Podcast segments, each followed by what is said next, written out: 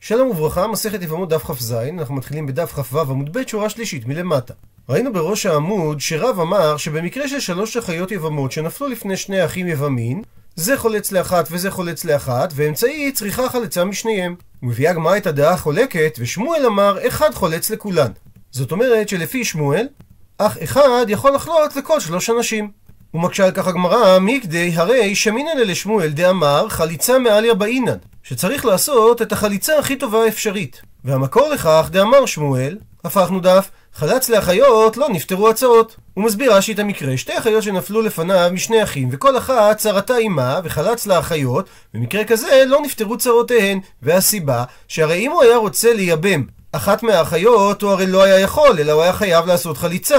ולכן החליצה לצרות נחשבת יותר חזקה מאשר חליצה לאחיות. ואומר רש"י, אף על גב שגם את הצרות הוא לא היה יכול לייבם, שהרי כל אחת מהן היא צרת אחות זקוקתו, עדיין האיסור שלהם נחשב יותר קל מהאיסור שמוטל על האחיות, וממילא גם חליצתה משובחת משל חליצת האחיות. אז אם כך, אנחנו חוזרים למקרה של שלוש אחיות לפני שני אחים, היכא דקיימא חליצה דשמעון שהיא חליצה כשרה, שהרי שמעון יכול לחלוץ לשנייה כי הוא לא חלץ לאחות הראשונה, האם יאמר שמואל שחליץ לראובן חליצה פסולה? שהרי ראובן חלץ כבר לאחות הראשונה, כך שהאחות השנייה היא אחות חלוצתו, ואם כך החליצה שלו היא לא חליצה מעליה.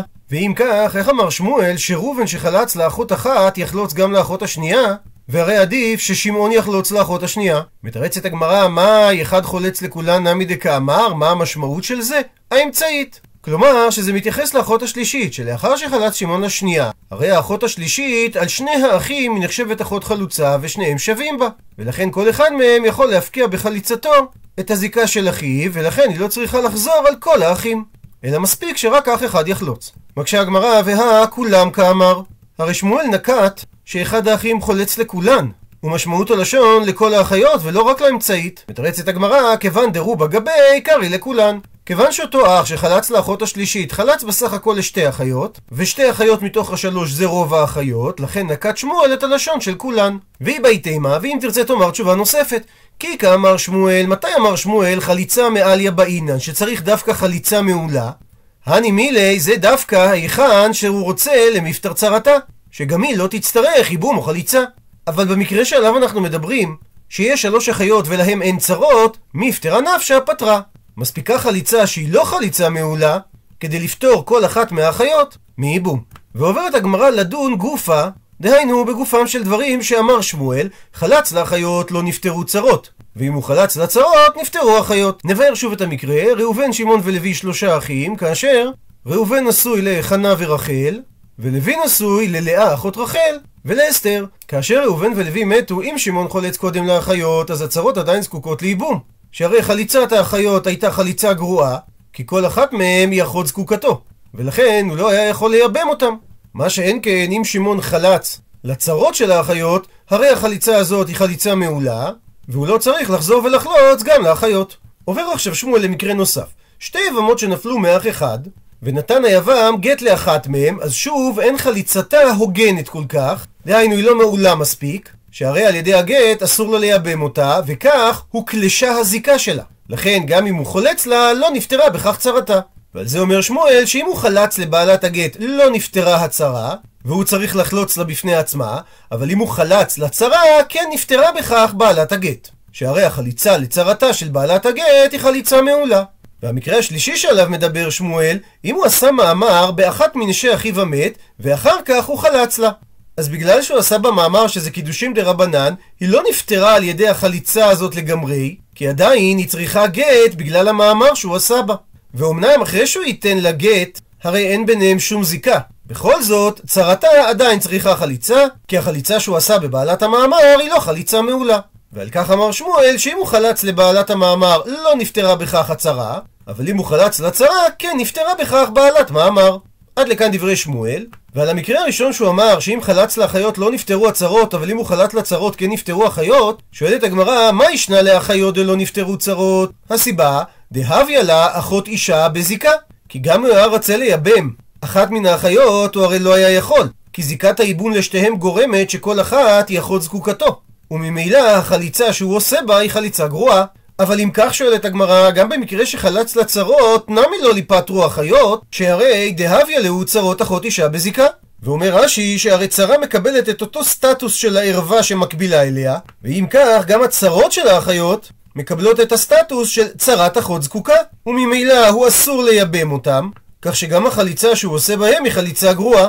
ומדוע מועילה החליצה הזאת לפתור את האחיות? עונה הגמרא כי כסבר שמואל אין זיקה. ואם אין זיקה, אז אין בעיה של אחות זקוקתו, וממילא חליצה לצרת האחות נחשבת חליצה מעולה והיא תפתור גם את האחות. מקשה הגמרא, והאמר שמואל בדף י"ח יש זיקה. מתרצת הגמרא ששמואל לדברי האומר אין זיקה כאמר את דבריו. אבל אי הכי אם כך מקשה הגמרא, אז במקרה שחלץ לאחיות ואתה אומר שאין זיקה, עמי לא נפטרו צרות. שהרי אם אין זיקה, אז חליצה לכל אחת מהנשים היא חליצה מעולה. ומדייקת הגמרא את השאלה שלה. בישלמה נוח לי להבין שהאישה שהיא צרה דרחל לא תיפטר על ידי החליצה של רחל, דכיוון דחלץ לה ללאה והדר ורק אחר כך חלץ לרחל, אז הביא לה החליצה הזאת חליצה דרחל, חליצה פסולה, שהרי בשעה שהוא חולץ לרחל היא כבר אחות חלוצתו, שאסור לו לייבם אותה, ולכן חליצה כזאת לא תעזור להצהרה שלה. אלא הצהרה דלאה תיפטר, שהרי חליצת לאה היא הייתה כשרה לחלוטין. כי אם הוא היה רוצה, הוא היה יכול לייבם את לאה. אז למה הצהרה של לאה לא נפתרת על ידי החליצה של לאה? דהיינו, כאשר שמעון חולץ קודם ללאה, הוא כבר לא יכול לייבם את רחל כי היא אחות חלוצתו, ולכן החליצה שהוא חולץ לרחל לא פותרת את חנה והוא צריך לחלוץ גם לה. אבל הרי החליצה שהוא עשה ללאה הייתה חליצה מעולה, כי הוא גם יכל באותה מידה לייבם אותה, כי אנחנו אומרים אין זיקה, זאת אומרת היא לא אחות זקוקתו, אז מדוע שאסתר צרתה של לאה לא תיפטר על ידי חליצתה של לאה צרתה? מתרצת הגמרא, מהי הכוונה שלא נפטרו צרות נמי דקאמר? שאמר שמואל, הוא דיבר הצרה דרחל, שרק היא צריכה חליצה, אבל באמת הצרה של לאה נפטרה על ידי החליצה של לאה. מקשה על כך הגמרא, והצרות כאמר, שזה לשון רבים, אז אם כך זה לא מדבר רק על הצרה של רחל, אלא גם על הצרה של לאה. מתרצת הגמרא שהמילה צרות הכוונה צרות דעלמא. כלומר, אכן מדובר רק על הצרה של רחל, ונקטו צרות כדי להגיד שכל מקום שקורה אותו דבר, אז הדין שלא נפטרו הצרות של האחרונה. מה כשהגמרא היא הכי אם כך, אז מה שאומר שמואל בהמשך של חלץ לצרות, נפטרו החיות, דהיינו שעל ידי החליצה של הצרה של רחל, נפטרה רחל עצמה? והצהרת רחל מי מפטרה? האם רחל עצמה נפטרת? ואתנן, והרי יש משנה בדף מן שאומרת, אסור אדם בצרת קרובת חלוצתו. מסביר רש"י, שאפילו אם הצרה לא הייתה צרתה מאחיו, אלא מאדם אחר, עדיין היבם אסור בה. כך שגם במקרה שלנו, אם הוא היה רוצה לייבם את צרתה של רחל, הוא לא היה יכול לייבם אותה, וממילא החליצה שלה נחשבת לחליצה גרועה, אז איך אמר שמואל שחליצה כזאת פותרת את רחל? נעזר באיורים מעטרת צבי כדי להבין. שני אחים ראובן ושמעון, שמעון התחתן עם לאה וחנה, כאשר ללאה יש אחות רחל, ולחנה יש בת מנישואים קודמים. דוד התחתן עם מרים ועם רחל אחות לאה, וכאשר שמעון מת, ראובן חלץ ללאה. בגלל החליצה הזאת, ראובן אסור ברחל, שהרי היא קרובת חלוצתו, והוא גם אסור במרים שהיא צרת קרובת חלוצתו. אז על אותו עיקרון גם במקרה שלנו, כיצד החליצה לחנה שהיא צרת רחל, נחשבת כחליצה מעולה ורחל תהיה פטורה מחליצה. שהרי חנה היא צרת קרובת חלוצתו, והוא לא יכול לייבם אותה, ולכן החליצה שלה היא לא חליצה מעולה. מתרצת הגמרא, שמואל נמי התחיל ולא התחיל כאמר. אכן גם שמואל בדבריו חילק בין המקרים שבהם הוא התחיל לחלוץ לאחיות, או התחיל לחלוץ לצרות של האחיות. שאם הוא התחיל לחלוץ באחיות, במקרה כזה אמר שמואל, לא יגמור בצרות. זאת אומרת שאם הוא התחיל וחלץ ללאה קודם, לא יגמור בצרות, הכוונה שלא פותר את חליצת הצרה של רחל את רחל. דתנן שככה הרי שנינו, אסור אדם בצרת קרובת חלוצתו, אבל אם הוא התחיל את החליצה בצרות, זאת אומרת שבהתחלה הוא חלץ לצרת לאה, אז במקרה כזה יגמור אף באחיות. דתנן שככה הרי שנינו, מותר אדם בקרובת צרת חלוצתו. הוא מסביר רש"י, שיגמור אף באחיות שאם הוא רצה לחלוץ לרחל, הרי נפטרה בכך צרתה, ואף על גב שרחל היא קרובת לאה, ולאה היא צרת חלוצתו, בכל זאת זה לא נחשבת לחליצה גרועה, שהרי שנינו שמותר אדם בקרובת צרת חלוצתו. וכיוון שאנחנו אומרים שאין זיקה, אז אם הוא היה רוצה לייבם את רחל, הוא יכול היה לייבם אותה. ולכן החליצה ברחל היא חליצה מעולה, והיא תפתור גם את צרתה, וכל שכן אם הוא חלץ בצרת רחל ולא ברחל. כך שחליצה או ברחל או בצרתה תפתור את הצרה שלה. זאת אומרת, אם הוא התחיל וחלץ לצרתה של לאה, אז רחל היא בסטטוס של קרובת צרת חלוצתו. ואם הוא רוצה הוא יכול היה לייבם אותה, שהרי אנחנו אומרים אין זיקה ולכן אין לנו בעיה של אחות זקוקתו, ולכן אם הוא חלץ לרחל זה ודאי פותר את חנה מחליצה. עד לפה היה הסבר בדברי שמואל שאין זיקה. תשובה אחרת, רב אשי אמר לעולם כדכאמרת. כמו שהסברת בדברי שמואל בהתחלה, שהסיבה שאם הוא חלץ לאחיות לא נפטרו צרות, משום די יש זיקה. ולכן חליצת האחיות נחשבת לחליצה גרועה, שהיא לא תפתור אפילו את צרת לאה. אבל במקרה שהוא חלץ לצרות, כן נפטרו האחיות, מהסיבה שחליצת הצרות משובחת מחליצת האחיות. ומה שהקשינו, שהרי אם אנחנו אומרים יש זיקה, אז צרת אחות אישה מקבלת את אותו הסטטוס כמו האחות זקוקה בעצמה, ואם כך, גם החליצה שלה היא חליצה גרועה. מסביר הרש"י, ומשום דלא עלים הזיקה לשיווי אל הצרה כערווה. דהיינו, הזיקה לא מגדירה את הצרה כמו הערווה עצמה, ולא גזרו חכמים אלא באחות זקוקה שהיא לא נופלת לייבום. אבל צרת אחות אישה, האיסור שלה כלפי היבם הוא קטן מאשר האיסור של אחות זקוקתו, ולכן באופן יחסי, החליצה שלה היא חליצה יותר משובחת מאשר חליצה לאחות זקוקתו. ומביאה הגמרא סייעתא תניא, ברייתא שאומרת כבתי דרבשי. חלץ לאחיות לא נפטרו צרות, מדייקת הגמרא. היי, אם הוא חלץ לצרות, כן, נפטרו אחיות. מה היא טעמה? מדוע הדבר? האם לאו משום דקסבר יש זיקה? ולכן אם הוא חלץ לאחיות לא נפטרו הצרות, ובכל זאת, ולא עלים הזיקה לשבוי אל הצרה כערווה. שהזיקה לא מגדירה את הצרה באותו סטטוס של הערווה עצמה, ולכן אם הוא חולץ לצרות, כן, נפטרו החיות. דוחה אמר רבי אבא בר ממל את הראייה הזאת ואומר, המאני, הביתה הזאת כשיטת מי היא? בית שמאי היא דתנן, שכך שנינו בדף י"ג, בית שמאי מתירין את הצרות לאחים. ואם מותר לייבם צרה של ערווה, אז ודאי שהם יתירו לייבם צרת אחות זקוקה. ולכן הברייתא היא כשיטת בית שמאי, שחליצה לצרת אחות זקוקה, פותרת את האחות זקוקה. מקשה על כך הגמרא אי הכי, אם כך שאתה רוצה להעמיד את הברייתא כשיטת בית שמאי, אז ייבום אינם תתייבם. אבל מזה שהברייתא עוסקת רק באפשרות של חלץ לאחיות, הרי ניתן לדייק שמדובר רק על חליצה לצרות. זאת אומרת שאסור לייבם את הצרות, וזה לא כשיטת בית שמאי. מתרצת הגמרא שהברייתא היא כשיטת כרבי יוחנן בן נורי, דאמר בואו ונתקן להם לצרות שיהיו חולצות ולא מתייבמות. שהרי המחלוקת בין בית שמאי ובית הלל בעניין צרת ערווה גרמה למצב שהם לא יכלו להתחתן זה עם זה, באותם המקרים שבהם הם נחלקו, ורבי יוחנן בן נורי הציע שגם לפי בית שמאי, צרת ערווה לא תתייבם אלא תחלוץ. לפי זה מסתדר מדוע הברייתא שהיא כשיטת בית שמאי, לא מדברת על אפשרות של ייבום. מקשה על כך הגמרא, והמרמר לא הספיקו לגמור את הדבר עד שנטרפה השעה. זאת אומרת שלפי שיטת בית שמאי כן היו מייבמים. מתרץ, אמר רב נחמן בר יצחק, שאחריו חזרו ותיקנו. שאומנם נטרפה השעה כשרבי יוחנן בן נורי הציע את הדבר, אבל בהמשך הזמן חזרו ותיקנו שצרת ערווה גם לפי בית שמאי תחלוץ ולא תתייבם, ולכן ניתן להעמיד את הברייתא, כמו הדחייה של רבי אבא בר ממל, שזה שיטת בית שמאי, וממילא אין בכך סיוע לתשובתו של רב אשי.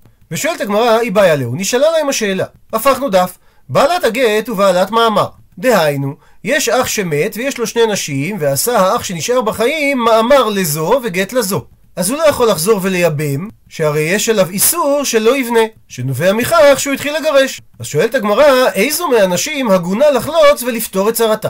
איזו מהן קודמת? האם בעלת הגט עדיפה משום דעת חילבה בגירושין, או דילמה או אולי בעלת מאמר עדיפה משום דקרובה לביאה? זאת אומרת, האם עדיף לחלוץ לבעלת הגט? כי על ידי הגט הוא כבר בעצם התחיל בהפקעת הזיקה, והחליצה תהיה חליצה גמורה, ותפקיע את הזיקה לגמרי. מה שאין כן חליצה לבעלת המאמר, שהיא לא חליצה גמורה, שהרי עדיין צריך לתת לה גט. או אולי נאמר שדווקא החליצה בבעלת המאמר עדיפה, כי דווקא על ידי המאמר, שזה קידושים דה רבנן, הוא חיזק את הזיקה אליה, ועדיף לחלוץ למי שיש לה זיקה חזקה יותר. מתרץ אמר רב אשי, תשמע בו שמע הוכחה. שאומרת הברייתא, הוא מודה רבן גמליאל שיש גט אחר גט ומאמר אחר גט. הוא מסביר רש"י את המקרה, כגון שתי יבמות מאח אחד, ועשה היבם מאמר בזו, ואחר כך נתן היבם גט לשנייה. אז מועיל הגט לפסול את הראשונה עליו משום לא יבנה, ועל ידי כך הוא ייאסר בקרובות השנייה כבראשונה. ואנחנו לא אומרים שהמאמר שהוא עשה בראשונה מגדיר אותה ככנוסה, מה שהיה יוצר מצב שהיינו מגדירים את השנייה כדחויה, כך שהגט לא היה מועיל בה. ואם הוא נתן גט לראשונה ואחר כך הוא עשה מאמר בצרתה, אז גם שם אנחנו לא אומרים שהגט שהוא נתן לראשונה היה במקום חליצה, ואם כך, אין משמעות למאמר שהוא עשה בשנייה. כי אז היא הייתה צרת חלוצתו. בוודאי שהמאמר שהוא עשה בשנייה כן מועיל, עד כדי כך שהיא צריכה ממנו גט למאמרו, והוא יהיה אסור גם בקרובותיה. ובלשון הגמרא, אי גט עדיף על פני המאמר, אז הדין היה צריך להיות שלא ליהני מאמר הבתרי, שהמאמר לא יתפוס אחרי הגט, וממילא היא לא הייתה צריכה גט, וגם הוא היה מותר בקרובותיה. והפוך, ואם מאמר עדיף על גט, אז במקרה כזה לא להני גט הבתרי. שהרי זה כאילו הוא נותן גט למישהי שלא קשורה אליו, וממילא הדין היה שהוא לא היה צריך להיאסר בקרובותיה.